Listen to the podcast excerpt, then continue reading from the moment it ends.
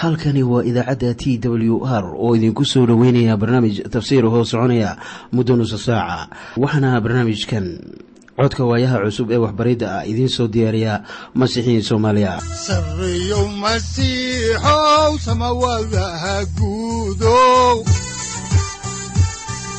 Siraadkii adduunkow subanaha eebow sareyow masiixow samawadaha guudow siraadkii adduunkow subanaha eebow adigoo samada jiro ifkaan soo saldhiganba adigoo samada jiro ifkaan soo saldhiganba kutubtiisanaye udanogu saaciiday sharxin sifahaaga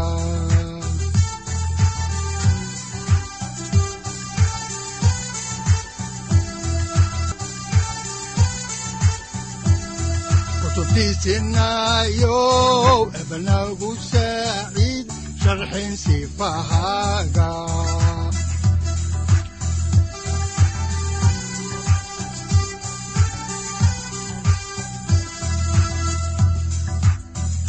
satirow ilaahow adanku su'aalne satirow ilaahow adanku su'aalne safarka kulibana samaha masiixoon sabilahaynaga ye mar kale ayaanu dhegaystayaal idinku soo dhoweynaynaa barnaamijka waxaana aanu caaway mar kale idin bilaabi doonaa barnaamijkii taxanaha ahaa oo aad jeclaydeen ee dhexmarka kitaabka quduuska waxaannu macluumaad idinka siinaynaa ahmiyadda injiilkanu leeyahay.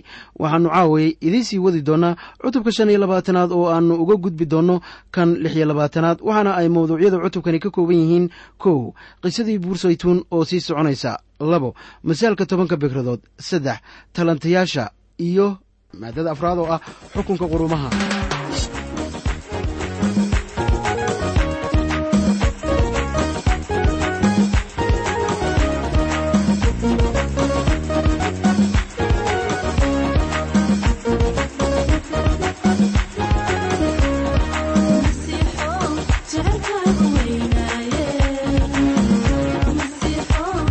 ugu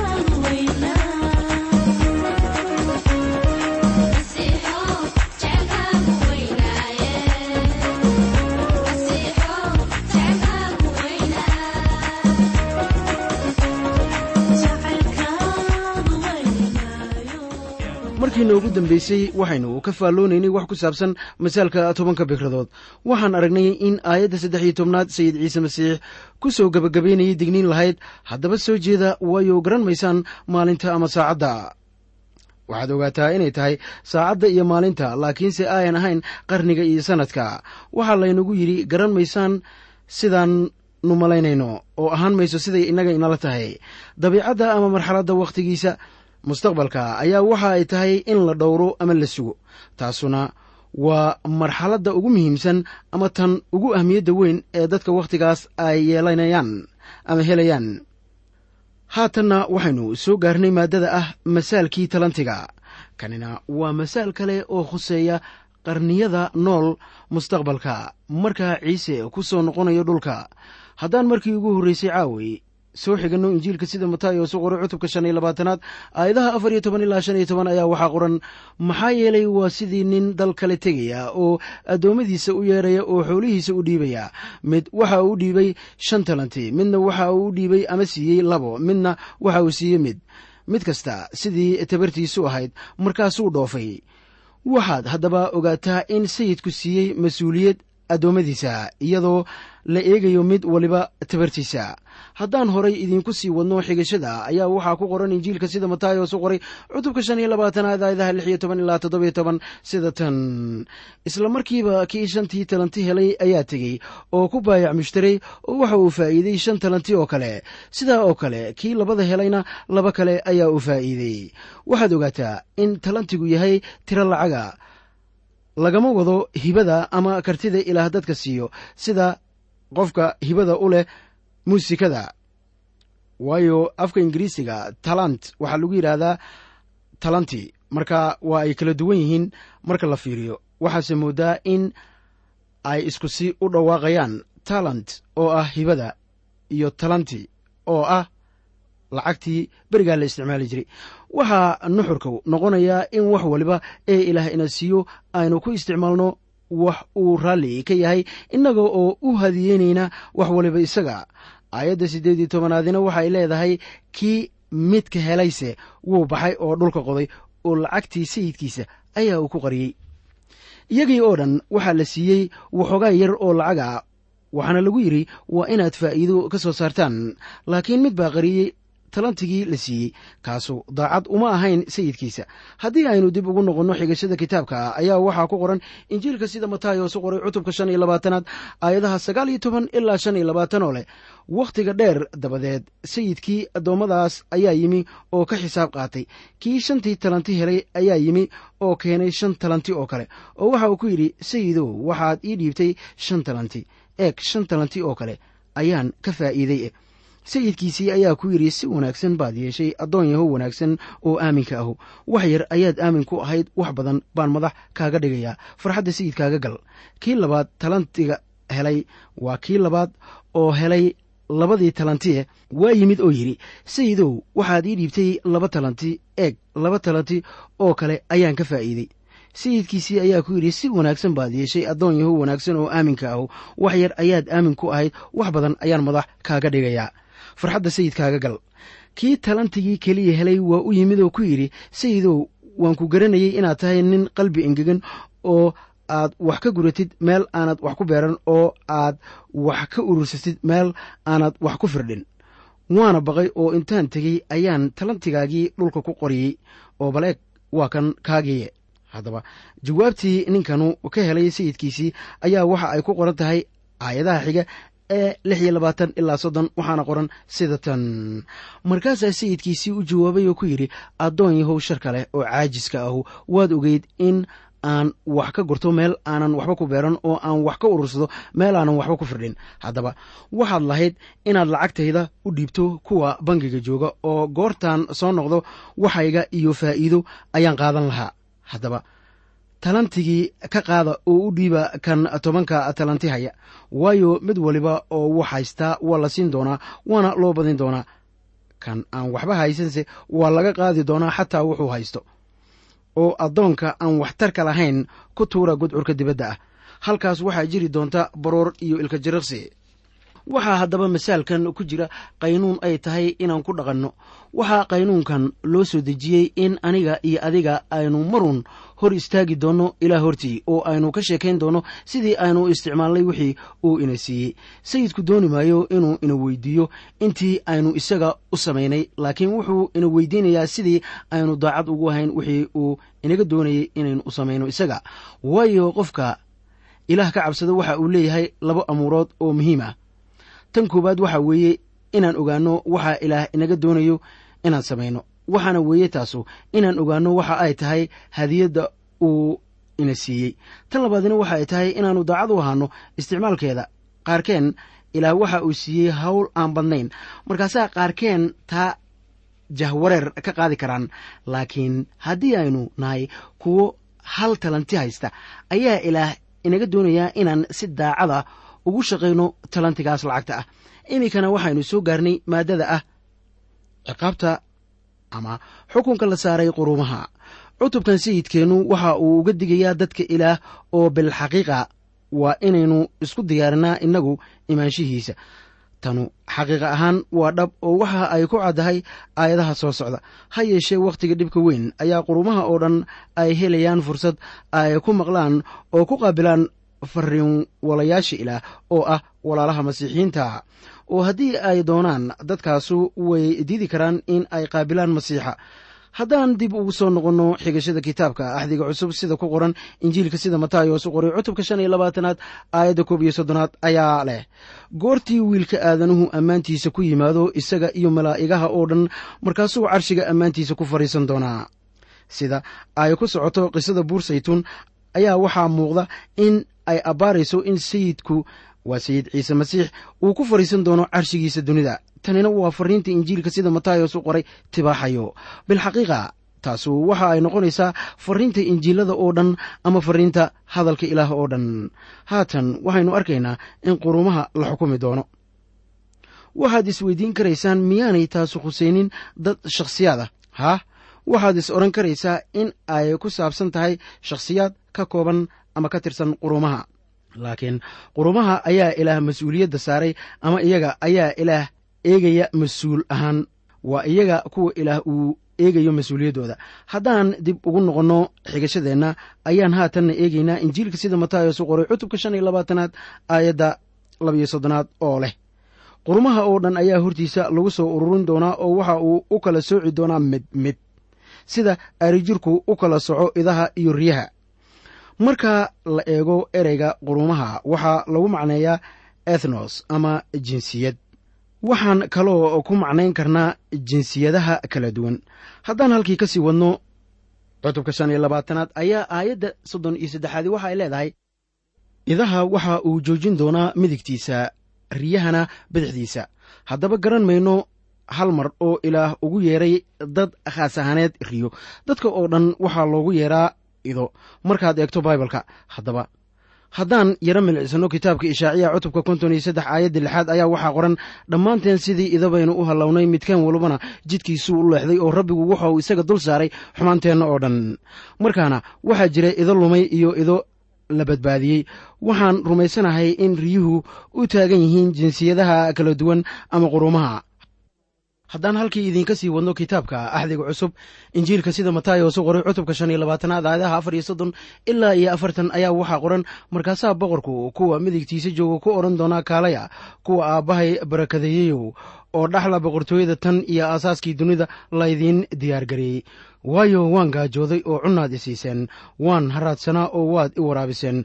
Qariib baan ahaa oo waad isoo dhowayseen waan qaawanaa oo dhar baad i huwiseen waan bukay oo waad isoo boqoteen xabsi baan ku jiray oo waad ii timaadeen. Markaasaa kuwa xaqa ahu u jawaabeen ama u jawaabi doonaan iyagoo leh sayid kow ama sayidkayagiyow goormaannu ku aragnay adiga oo gaajaysan oo aannu cunto ku siinay ama adigoo qaawan oo aannu wax ku huwinnay goormaannu ku aragnay adiga oo buka ama adiga oo xabsi ku jira oo aannu kuu nimid markaasaa boqorku u jawaabi doonaa oo ku odhan doonaa runtii waxaan idinku leeyahay in alle intaad u samayseen mid ka mida walaalahaygan u yaryar waad ii samayseen. Haddaba boqol iyo afar iyo afartanka kun ee yuhuudda ah. Ee la shaabadeeyey wakhtiga dhibka weyn ayaa aadi doonaa qurumaha oo dhan oo ku wacyi doona ama ku wacdin doona fariinta injiilka boqorka ee ah in loo qaabilo masiixa sida allabariga dembiyadooda si laysugu diyaargareeyo imaanshihiisa dhow.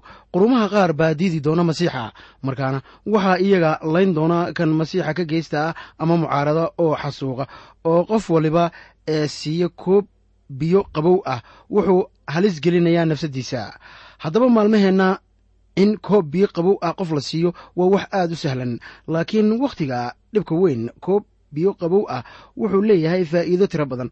Waxaana taasu ka macno tahay in lala istaago ama la feer socdo masiixa taasoo aad ku waayi karto nafsaddaada waana aasaaska xukunka qurumaha ee ku aadan inay aqbalaan ama diidaan ciise masiix. Ciise waxa uu leeyahay in alle intaad u samayseen mid ka mid ah walaalahaygan u yaryar waad ii samayseen. Waayo fariin walayaashani waxa ay matalaan ciise. Taasina waa sida ay ku caddaynayaan rumaysadkooda ay rumaysteen fariinta ah. In boqortooyada jannadu ay dhowdahay oo ay tahay in ay toobad keenaan oo u soo leexdaan masiixa si ay u badbaadaan. Haddaba kuwa diida waxa ay leeyihiin hal xukun. Sida ku qoran injiilka sida matayos u qoray cutubka shan iyo labaatanaad aayadaha shan iyo afartan ilaa lix iyo afartan waxaana qoran sida tan markaasuu u jawaabi doonaa oo ku odhan doonaa runtii waxaan idinku leeyahay in alle intaad u samayn weydeen mid ka mida kuwan yaryar anigana waad ii samayn weydeen. Kuwanuna waxa ay geli doonaan takhsiirta weligeeda kuwa xaqa ah huse waxa ay geli doonaan nolosha weligeeda. Qurumaha oo dhan waxa ay geli doonaan boqortooyada zamaanka oo loola jeedo marka wakhtigu buuxsamo waxaa soo haraya shakhsiyaad diidi doona masiixa. Laakiin xukunka qurumaha ee imaanshaha labaad ee masiixa ayaa ay ka macno tahay in go'aan laga gaaro qurumaha gelaya boqortooyada zamaanka ama the millenian kingdom waxa loo yaqaano. Ciqaabtan waa mid khaasa oo kooban marka la eego xukuumadaha kale ama xukuumada kale. Iminkana waxaynu soo gaarnay cutubka lix iyo labaatanaad haddaba. Mawduucyada cutubkan lix iyo labaatanaadi ka kooban yahay waxa ay kala yihiin dhacdadii ugu dambeysay ee ciise wax yar ka hor intaan la saarin iskutallaabta waa sirqoolkii la doonayey in lagu gacangeliyey ee labo. Caleemasaarkii maryantii reer beytaniya saddex. Iibsashadii yudas iskariyot uu iibsaday ciise masiix ama gacangelintiiba aan idhaahdee. Afar. Munaasabaddii cashada sayidka shan dafiraaddii la sii sheegay ee butros oo uu ku dafiray ciise masiix lix xukunkii beerta getsemane. Gacangelintii ciise uu gacangeliyey yudas iskariyot iyo qabashadii ciise markii wadaadka sare uu gacanta ku dhigay. Toddoba dacwaddii lagu qaaday masiixa isagoo hor jooga kayfas oo jooga maxkamadda sanhedrin markaasoo uu butrosna inkiray ciise masiix. Haddaba cutubkani waa midka ugu dheer injiilka sida matayos u qoray. Marka la gaaro aayadda soddonaad ee cutubkan ayaa waxaa soo baxaya kala tag. Dhacdada lagu qoray injiilka sida yuxanaa u qoray cutubka shan iyo tobnaad cutubka lix iyo tobnaad iyo cutubka toddobiyo tobnaad ayaa inta soo gelaya. Waxaa kaloo lagu arkayaa kala tag kale ama kala tag bilowga aayadda konton iyo toddobaad. Meesha cutubku ku kala qaybsamayo ayaa uu ka bilaabmayaa xukun maxkamadeed oo lagu soo hortaagayo madaxdii diinta iyada oo hab duwan ama gedisan ku imanaysa. Laga yaabo kuwa kala qaybiyey qorniinka inay isugu keeneen dhacdooyin fara badan hal cutub si ay u akhristaan oo u siiyaan arrin ballaaran oo degdeg isku bedbedelaya taasoo ay ku laran yihiin dhacdooyin muhiima. Haddaba dhacdo waliba iyo faallo kasta ee ku qoran cutubkan waxa ay tilmaamaysaa iskutallaabta waxaa halkan ku qoran qiyaas la hubo oo siinaysa akhristaha aragti ah in ciise soo dhex galay marxalado xasaasiya ee uusan maarayn karin ama ka weyn oo isaga ka shisheeya. Haddaba marka si weyn loogu kuur galo oo la indhe indheeyo ayaa waxaa soo baxaysa in isagu uu yahay sayidka xaaladaha boqornimona uguma uusan soo dhowaan weligii sida uu haatan ugu soo dhowaaday markii ay timi wakhtigii la saari lahaa iskutallaabta. Waxyaalaha lagu qoray cutubkan lix iyo labaatanaad iyo kan toddoba-iyo labaatanaad ayaa ay tahay in lagu darso iyadoo la eegayo go'aankii uu ku gaaray kaysariya filiboy lix bilood ka hor wakhtigaas ee uu doonayey inuu ku soo aado yeruusaalem oo uu halkaa ku dhinto. Markaan eegno sida ku qoran injiilka sida matayos u qoray cutubka lix iyo tobnaad aayadda koob iyo labaatanaad ayaa waxaa ku qoran. Kolkaa dabadeed ciise masiix ayaa bilaabay in uu xertiisa u sheego inay waajib ugu tahay inuu yeruusaalem tago oo xanuun badan ka helo waayeelada iyo wadaadada sare iyo culimmada oo la dilo oo maalinta saddexaad la sare kiciyo. Haatanna wuxuu ku socdaa qorshaha ilaah wuxuuna khasbayaa ama xoog ku meel marinayaa arrinka. Ma ahan dhibane aan caawimaad lahayn oo soo dhex galay howldiimeed yaa badan oo hawl hoosaadka xukunka romaanka ku dhex jirta waa in ilaah ka cabsi buuxiyaa fikirkeenna. Marka aynu ka daqaqamayno umuurahan ku qoran cutubkan waayo waxa ay ahmiyad ahaan la xidhiiraan badbaadadeenna. Haatanna aynu eegno maaddada ah qorshihii lagu dilay ciise masiix. Haddaan halkii ka sii wadno kitaabka oo soo guda galno cutubka lix iyo labaatanaad aayaddiisa koowaad ayaa waxaa qoran waxaa dhacay goortii ciise hadalladan oo dhan dhameeyey inuu xertiisii ku yidhi bal muxuu ku yidhi? Wuxuu ku yidhi waynu arki doonnaa wuxuu halkaa kaga jawaabay su'aalahoodii khuseeyey dhammaadka wakhtiga haatanna arrin kale ayuu u hayaa ama doonayaa inuu u sheego. Bal aynu eegno markaa injiilka sida matayos u qoray cutubka lix iyo labaatanaad aayadda labaad. Waxaana qoran. Waxaad og tihiin laba maalmood dabadeed inay tahay iiddii kormaridda oo wiilka aadanaha waxaa loo gacan gelinayaa in isku tallaabta lagu qodbo. Marka ay sidan tahay aynu horay u sii soconno oo eegno injiilka sida matayos u qoray cutubka lix iyo labaatanaad aayadaha saddex ilaa shan oo leh markaasaa wadaadadii sare iyo waayeeladii dadka waxa ay isku urursadeen barxadda wadaadka sare oo kayfas la ohan jiray oo waxa ay ka wada hadleen si ay ciise khiyaano ugu qabtaan oo ay u dilaan. Laakiin waxa ay yidhaahdeen yaanay noqon wakhtiga iidda si aan rabsho dadka ugu soo dhex kicin. Haddaba aayadda labaad ciise waxa uu xertiisa u sheegay in uu u socdo dhimasho. Markaan eegno waxa qoran ayaa tanu tahay tii lixaad ee ciise u sheegayo xertiisa wax ku saabsan dhimashadiisa. Lix bilood ka hor wakhtiga ayaa uu ku bilaabay in uu sheego dhimashadiisa isagoo jooga kiisariya filiboy markaas oo uu dadka ogeysiiyey dhimashadiisii soo dhowaanaysay.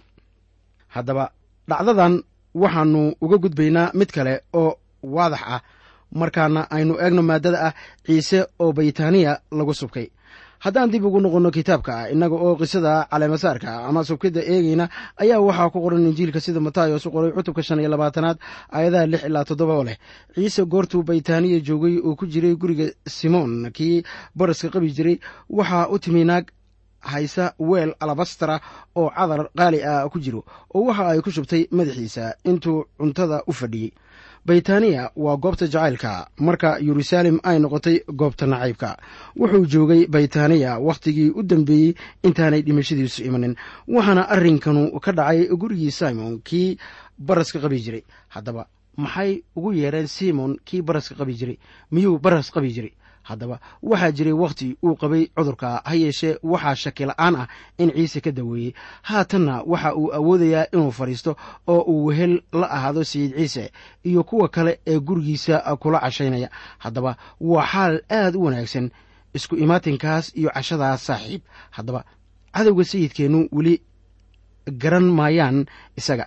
Garan maayaan in sayidku wax bogsiiyo wax jeclaado oo uu ilmeeyey dabadeetana xukunna riday xaqiiqdii qaar ka mid ah cadowgiisa maanta ayaa beri dhoweyd waxa ay keeneen riwaayad taasoo laga dhigay kuliyad waxaana ciise iyo xertiisa lagu macneeyey sida inay yihiin niman dembiilayaal ah. Haddaba sharciyadeenna waxa ay mamnuucayaan salaadda iyo baibal akhriska ama in baibal laga akhristo dugsiyada laakiin waxaa sharcigeennu ogol yahay riwaayadaha xunxun iyo wax kasta oo wasakha in laga dhigo kuliyadaha ama dugsiyada haddaan horay ugu sii soconno kitaabka ayaa waxaa ku qoran injiilka sida matayos u qoray cutubka lix iyo labaatanaad aayadda sideedaad sida tan laakiin xortu goortay arkeen way cadhoodeenoo waxa ay yidhaahdeen khasaaradunu maxay ku noqotay? Waxaan sida badan la yaabaa danayntooda masaakiinta. Markay sidan tahay waxa ay xusuusinayaan dadka maanta nool oo mar waliba ka hadla daryeelka masaakiinta laakiin aan innaba waxba ka samayn. Dowladaha qaarkood waxaa jira niman mudanayaala oo hodana waxaana ay mar waliba ka hadlayaan in mashruuc loo sameeyo saboolnimada oo gargaar la siiyo masaakiinta. Miyaad weligaa isku dayday inaad ogaato intii ay u sameeyeen shakhsi ahaan iyagu dadka? Haddaba dan iyo muraad kama galo laba wajiilanimada caynkaasa haddaba caddaynta daacadnimada iyo danaynta ayaa mar waliba ka dhex muuqanaya waxa aad samaynayso. Su'aashuna waxa ay tahay miyaad isku dayeysaa inaad hadal uun tiraahdo mise waxaad dhab ahaantii doonaysaa in aad dadkaas saboolka ah caawiso? Si kastoo ay tahayba aynu horay uga sii soconno oo eegno injiilka sida matayos u qoray cutubka lix iyo labaatanaad aayaddiisa sagaalaad oo leh. Waayo kan waxaa lagu iibin kari lahaa wax badan oo masaakiinta la siin lahaa waa dhab in sidaa la yeeli kari lahaa. Haddaan faallada ku soo noqonno waxaa dadka mufasiriinta ahi ay ku qiimeeyeen barafuunkaas alabastarka ku jiray in qiimihiisu gaarayay mushaharada ninka shaqaalaha ka ah beeraha miyiga ku yaal muddo ilaa iyo hal sano ah. Waana ay yidhaahdeen maxaa intaa oo lacaga loogu khasaarinayaa hal qof ma inta la iibiyo masaakiinta la siiyo. Ha yeeshee markii masiixu maqlay waxa maankooda ku jiray ayaa waxa uu ku yidhi sida tan ku qoran injiilka sida matayos u qoray cutubka lix iyo labaatanaad aayadda tobanaad waxaana qoran sida tan. Ciise goortuu gartay ayaa uu ku yidhi maxaad naagta u dhibaysaan shuqul wanaagsan bayba igu samaysay e tan masiixiyiinta laga doonayo ayaa waxa ay tahay inaanay samaynin shay amase bixinin shay aan ammaan u ahayn magaca ciise masiix haddaan halkaa ka sii wadno xigashada ayaa waxaa ku qoran injiilka sida matayos u qoray cutubka lix labaatanaad aayaddiisa sideedaad sida tan leh. Waayo masaakiintu mar walba way idinla jiraan aniguse mar walba idinlama joogo.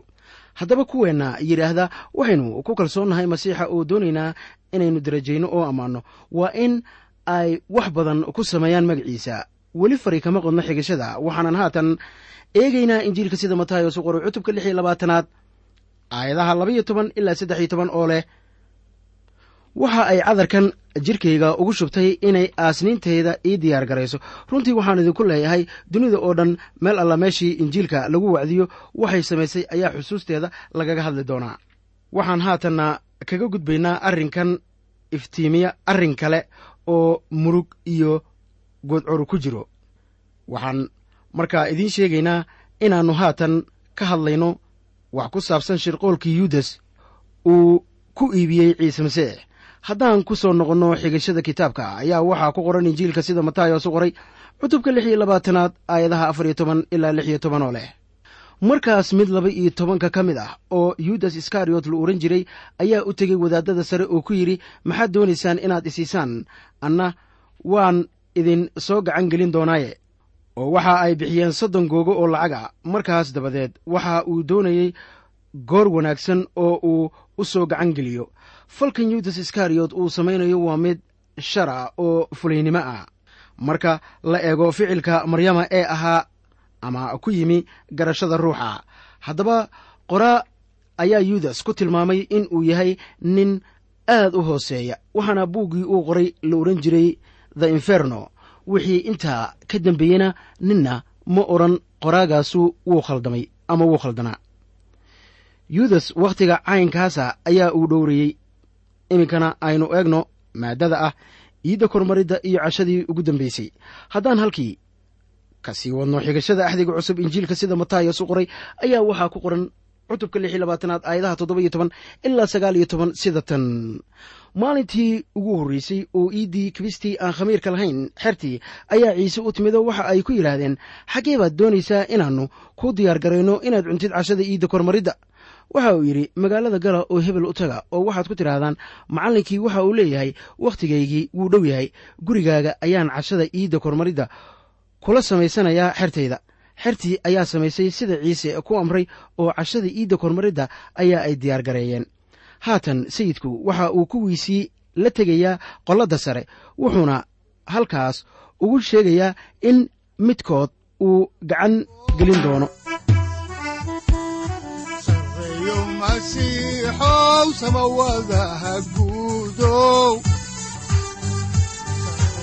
masiixow samawadaha guudow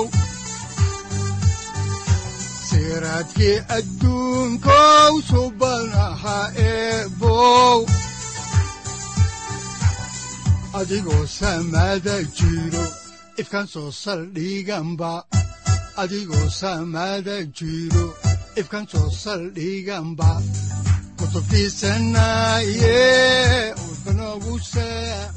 halkani waa t w r idaacadda t w r oo idinku leh ilaa ha idin barakeeyo oo ha idinku anfaco wixii aad caawi ka maqasheen barnaamijka.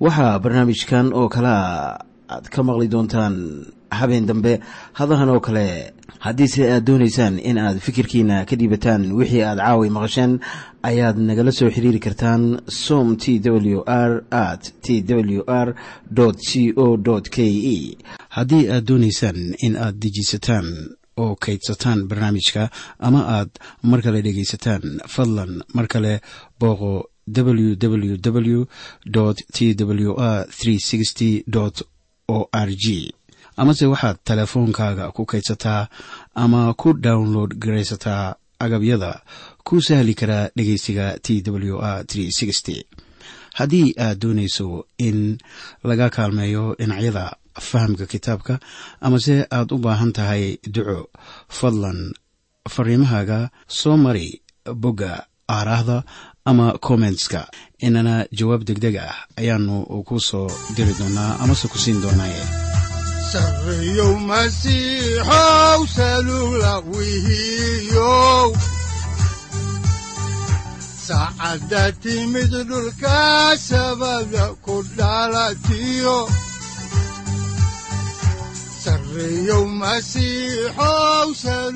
halkani waa t w r oo idiin rajaynaya habeen baraare iyo barwaaqaba leh inta aynu ka gaari doono wakhti aynu ku kulanno barnaamij la mida kan caawayay aad maqasheen waxa aan idinku leeyahay nabadda ciise masiix. Ha idinku badato xagga jidhka iyo ruuxaba. Aamiin